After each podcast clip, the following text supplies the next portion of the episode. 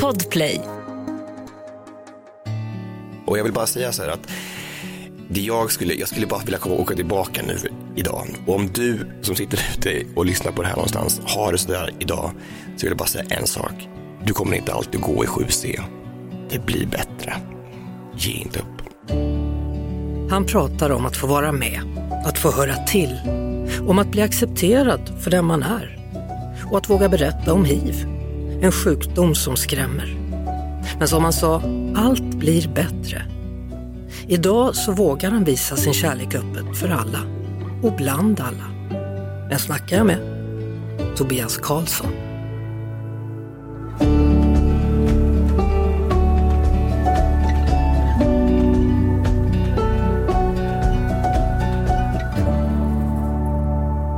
Tobias Karlsson, dansare, koreograf, eh, författare författare och eh, dokusåpadeltagare står det om man tittar på dig på nätet. Va, står det det? Ja, det gör det faktiskt. Jättekonstigt. Mycket konstigt. Men du har i alla fall varit med i Let's Dance såklart. Du har varit Mm, det är med en i dokusåpa. ja, Fångarna på fortet Precis. och lite annat. Eh, Jag tänkte vi börjar med lite ja och nej-frågor. Ja. Shoot. Har du vunnit Let's Dance? Ja, Med? med Tina Nordström eh, 2008 så det börjar bli dags igen. Har du tagit brons i World Cup i dans? Jajamän. Kan du dansa ballett? Eh, mer eller mindre, jag har haft ett år i alla fall av balettträning.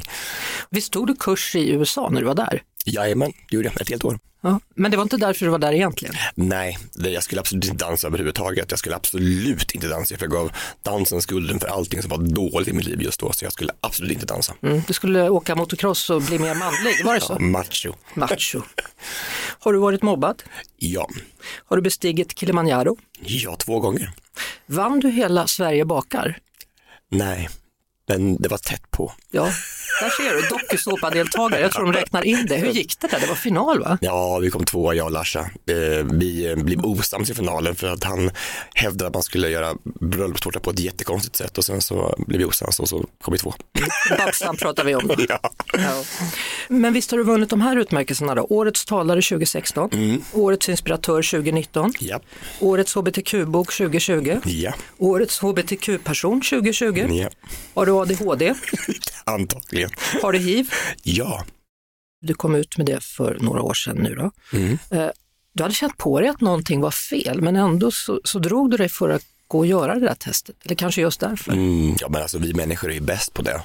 Alltså när vi befarar någonting och är rädda för någonting så, så är det bättre att stoppa huvudet i sanden och bara strutsa allting och försvinna. Att kanske, kanske försvinner om jag har tur. Och det gjorde jag också, det var faktiskt ett halvår. Eh, jag kände att någonting var fel i kroppen, jag hade konstiga svettningar på nätterna. Och, eh, men eh, så där en, en solig augusti morgon gick jag till venhälsan i alla fall och tog det testet och trodde i min enfald att det här kommer att vara som vanligt. Jag går dit och får ett negativt besked då, att det som, alltså man blir glad och bara, då kan man bara fortsätta.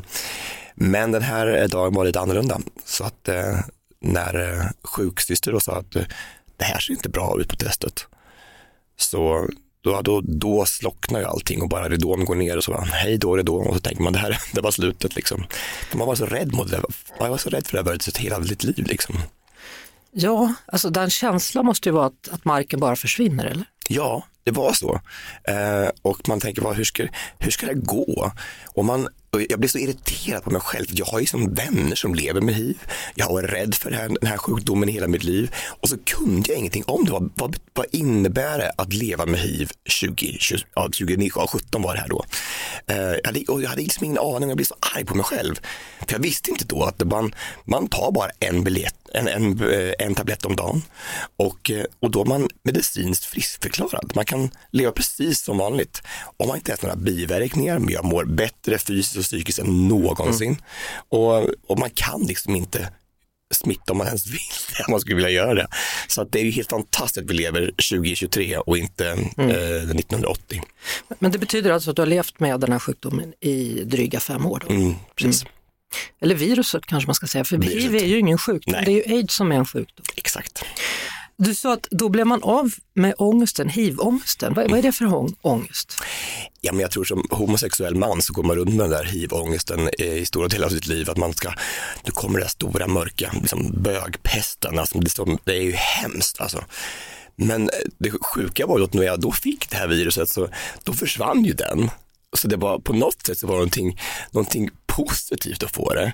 Och även att man får ett virus som gör, man blir påminn om att du ska leva livet nu, för man vet aldrig liksom. Och det sjukaste av allt är egentligen att nu för tiden så finns det studier på att homosexuella män som har fått, eller, eller folk som har fått hiv i västvärlden lever längre än andra människor. Att de går på check-ups hela tiden och får liksom, man kan kanske hitta andra sjukdomar som ligger innan det är för sent. Mm. Så att det här är ju, ja, man såklart inte är kul att ha det, men om man ska se det på den positiva sidan så det, finns det ljusglimtar i alla fall. Mm. Så att vara bög då, hur svårt var det för dig att komma ut som homosexuell? Ja men den är ju inte, det är ju inte kul. Alltså man, fast jag vet att jag har de bästa föräldrarna i hela världen, de är världens finaste, så det där tvivlet att de ska stå kvar när man säger orden jag är bög, det tror jag alla barn som känner sig annorlunda och ska berätta någonting så här stort för sina föräldrar känner. Och jag också. Och eh, i början så var det ju inte lätt. Alltså mamma, eh, mamma, mamma kommer liksom från Sanahe alltså som ligger utanför Hallsberg liksom i Närke och kommer från en bondfamilj. Jag tänker att jag vet nu så här efteråt att hennes enda referens till homosexualitet när jag kom ut det var en gubbe som bodde vid ICA-butiken i Lilla Östansjö där vi kom ifrån, som de kallade för bögen vid affären. Liksom. Så att, jag tror inte att någon mamma vill att ens barn ska växa upp och bli kallad för bögen vid affären. Så att eh, det tog, några, det tog en liten tid att eh, mm. komma över det och komma tillbaka till varandra igen.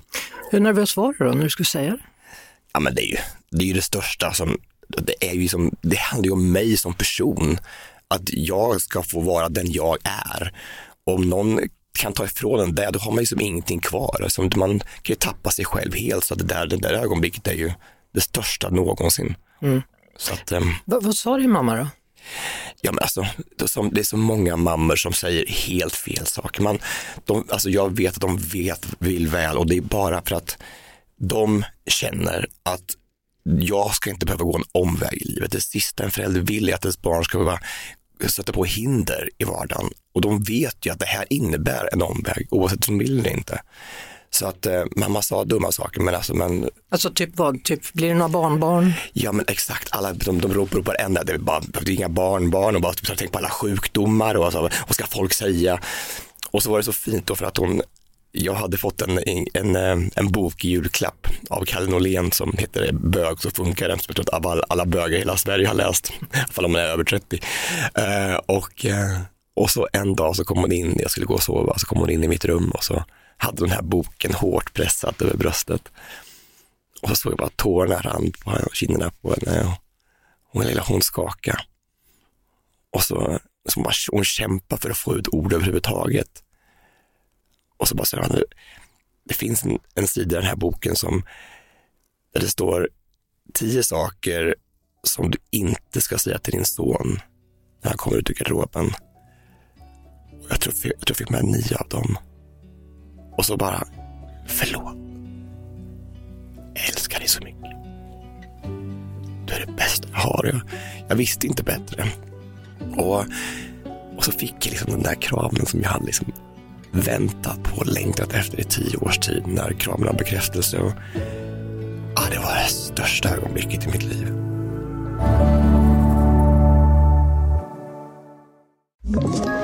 Ett poddtips från Podplay. I fallen jag aldrig glömmer djupdyker Hasse Aro i arbetet bakom några av Sveriges mest uppseendeväckande brottsutredningar går vi in med hemlig telefonavlyssning och, och då upplever vi att vi får en total förändring av hans beteende. Vad är det som händer nu? Vem är det som läcker? Och så säger han att jag är kriminell, jag har varit kriminell i hela mitt liv men att mörda ett barn, där går min gräns. Nya säsongen av Fallen jag aldrig glömmer på Podplay.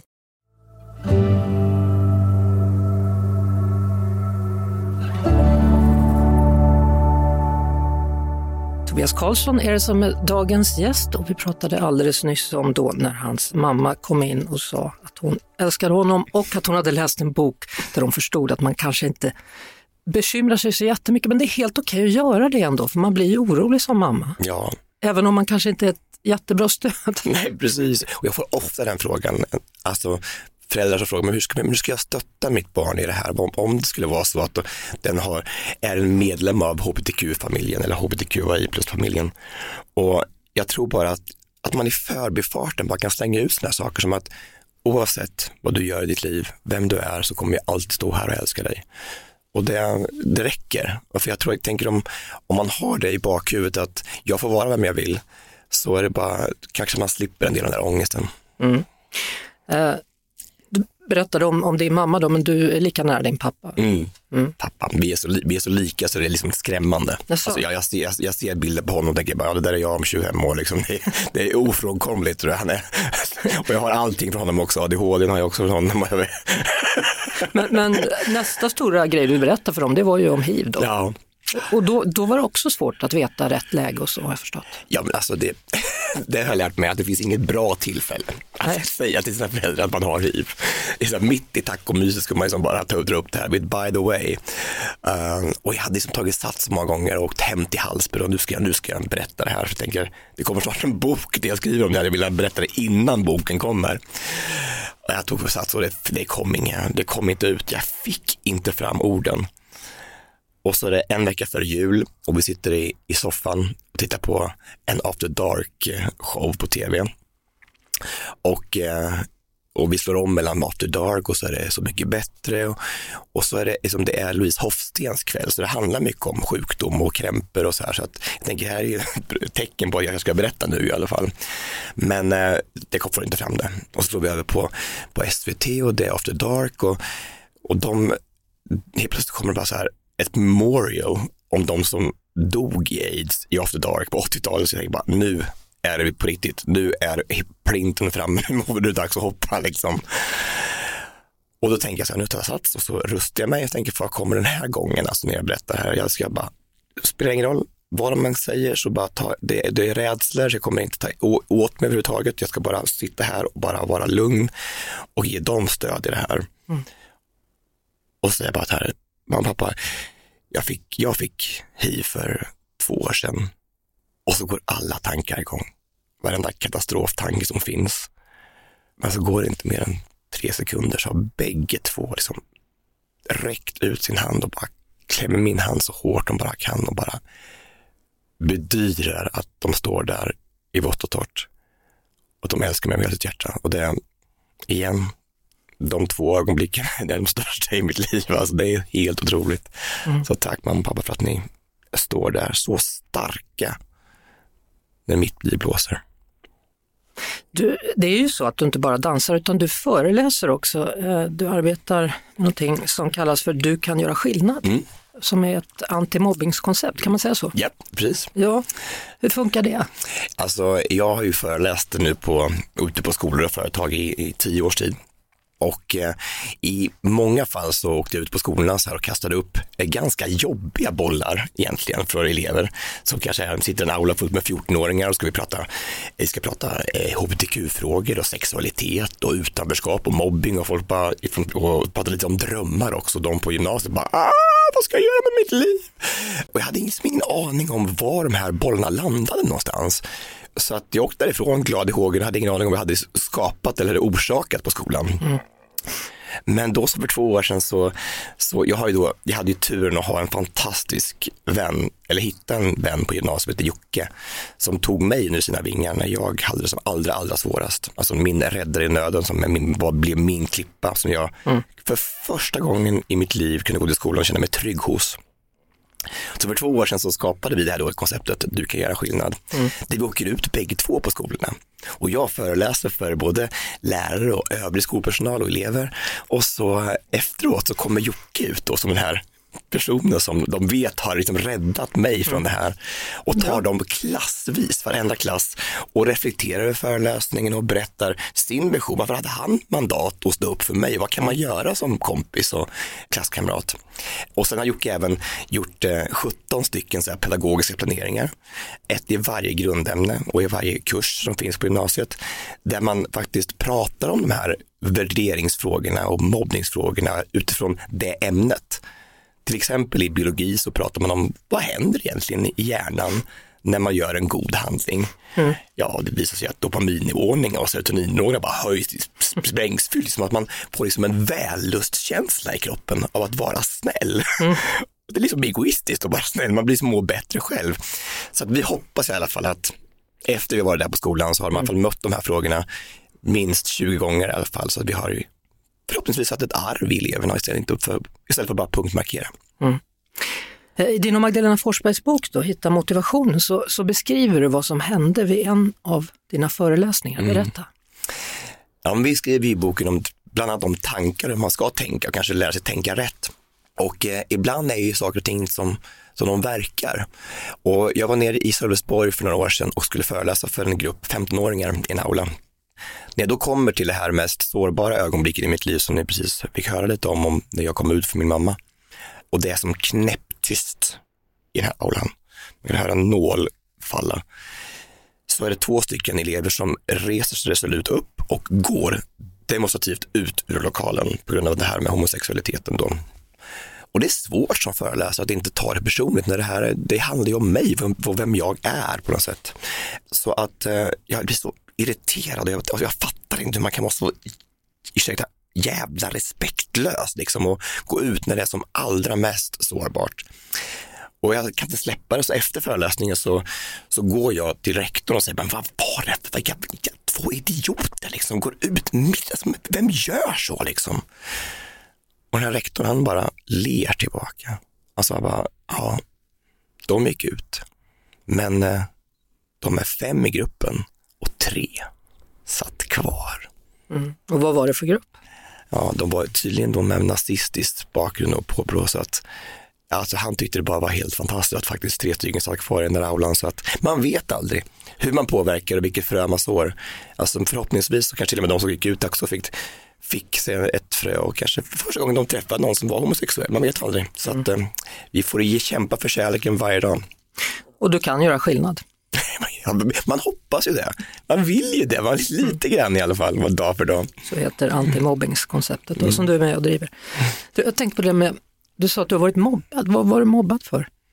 Alltså, eh, jag dansar ju då i Hallsberg och eh, gick på dansskolan hade jättemycket tjejkompisar. Och eh, av det tror jag att jag bara anammade deras kroppsspråk och fick ganska så feminint rörelsemönster som jag gick runt med i skolan som inte passade den där normen. Så att jag blev femmi för hela, hela Hallsberg. Femmi, ja, feminin, antar kvinnlig. Um, och den, den dagen där i bussen, första gången jag skulle åka till skolan som sjundeklassare. Nej, har du sett Forrest Gump? Mm. Exakt, alltså det var som taget ur den filmen. Alltså. Jag kommer aldrig glömma det. Sist in kom jag på den där bussen med min nyinköpta Salomon-ryggsäck och var så lycklig att få börja sjuan. Och så precis som i Forrest Gump så, så gick jag förbi säten som var tomma och, och skulle sätta mig och de bara, nej men här får du inte sitta. Bara, är du knäpp? Här kan du inte sitta alls. Och kom längst bak i bussen där de alla så här gamarna satt liksom från Vrestorp. värsta. Och så fanns det en plats där så jag försökte sätta mig och då var det en av de största och värsta killarna. Han bara, är du helt jävla dum i huvudet? Tror du får sitta här, ditt äckliga feminina as. Och med det, kom att tårarna bara sipprade fram och jag var tvungen att gå tillbaka igen hela bussen och sätta mig längst fram hos busschauffören och bara så här, nej, och där börjar liksom helvetet. Och det är helt bedrövligt. Ibland så tror jag det bara handlar om att man måste berätta att, att ord gör så förbannat ont och, var, och man ser vad, vad, vilken skada som, som sker. Alltså man, vi, vi, vi, vi, vi, förstår inte. Jag tror inte att många av de som jag, som utsatte mig för den här mobbingen, förstod vad de gjorde. För de sa det bara en gång i sitt huvud. De sa det en gång och sen var det det. Jag hörde det 20 gånger om dagen. Mm. Och det är det som gör att man blir, de tar ju bort någonting av en bit för bit, ord för ord, dag för dag. Så det blir plötsligt ingenting kvar och så känner man sig helt värdelös. Och det är det, det där konstanta pickandet liksom. Mm. Och jag vill bara säga så här att det, det jag skulle, jag skulle bara vilja komma och åka tillbaka nu idag. Och om du som sitter ute och lyssnar på det här någonstans har det sådär idag, så vill jag bara säga en sak. Det blir bättre. Du kommer inte alltid gå i 7C. Och du kommer inte alltid att bli vald sist på något fotbollslag och bara någon säger bara eh, ni får honom också. Eller så här. Det, det blir bättre, så ge inte upp. Tobias Karlsson, dansare, koreograf och författare. Stort tack för att du ville komma hit till podden Vem snackar med Lotta? Så trevligt att vara här. Alltid kul att ses. Kram på dig. Kram på dig.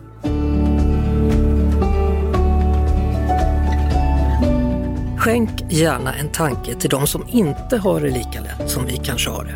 Regnbågsfonden är en stiftelse som hjälper hbtq-organisationer i hela världen. Liksom enskilda personer företrädelsevis då i länder där regnbågspersoner förföljs och trakasseras av myndigheter, polis och religiösa institutioner. Onsdag om en vecka då kommer ett nytt avsnitt av podden Vem snackar med Lotta? Och tills dess så hörs vi måndag till fredag på Mix Megapol i halv tre med mig, Lotta Bromé. Podplay, en del av Ett poddtips från Podplay. I podden Något Kaiko garanterar östgötarna Brutti och jag, Davva, dig en stor dos skratt. Där följer jag pladask för köttätandet igen. Man är lite som en jävla vampyr. Man har fått lite blodsmak och då måste man ha mer. Udda spaningar, fängslande anekdoter och en och annan arg rant.